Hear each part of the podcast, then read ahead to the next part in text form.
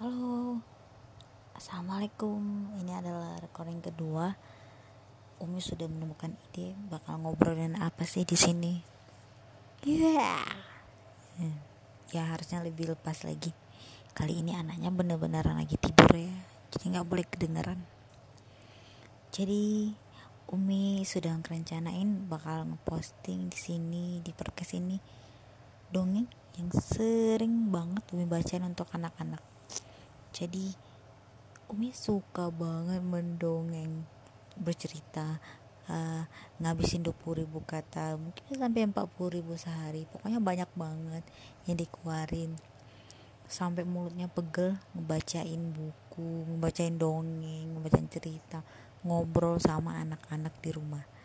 Nah semua itu biar jadi kenangan akan ada di sini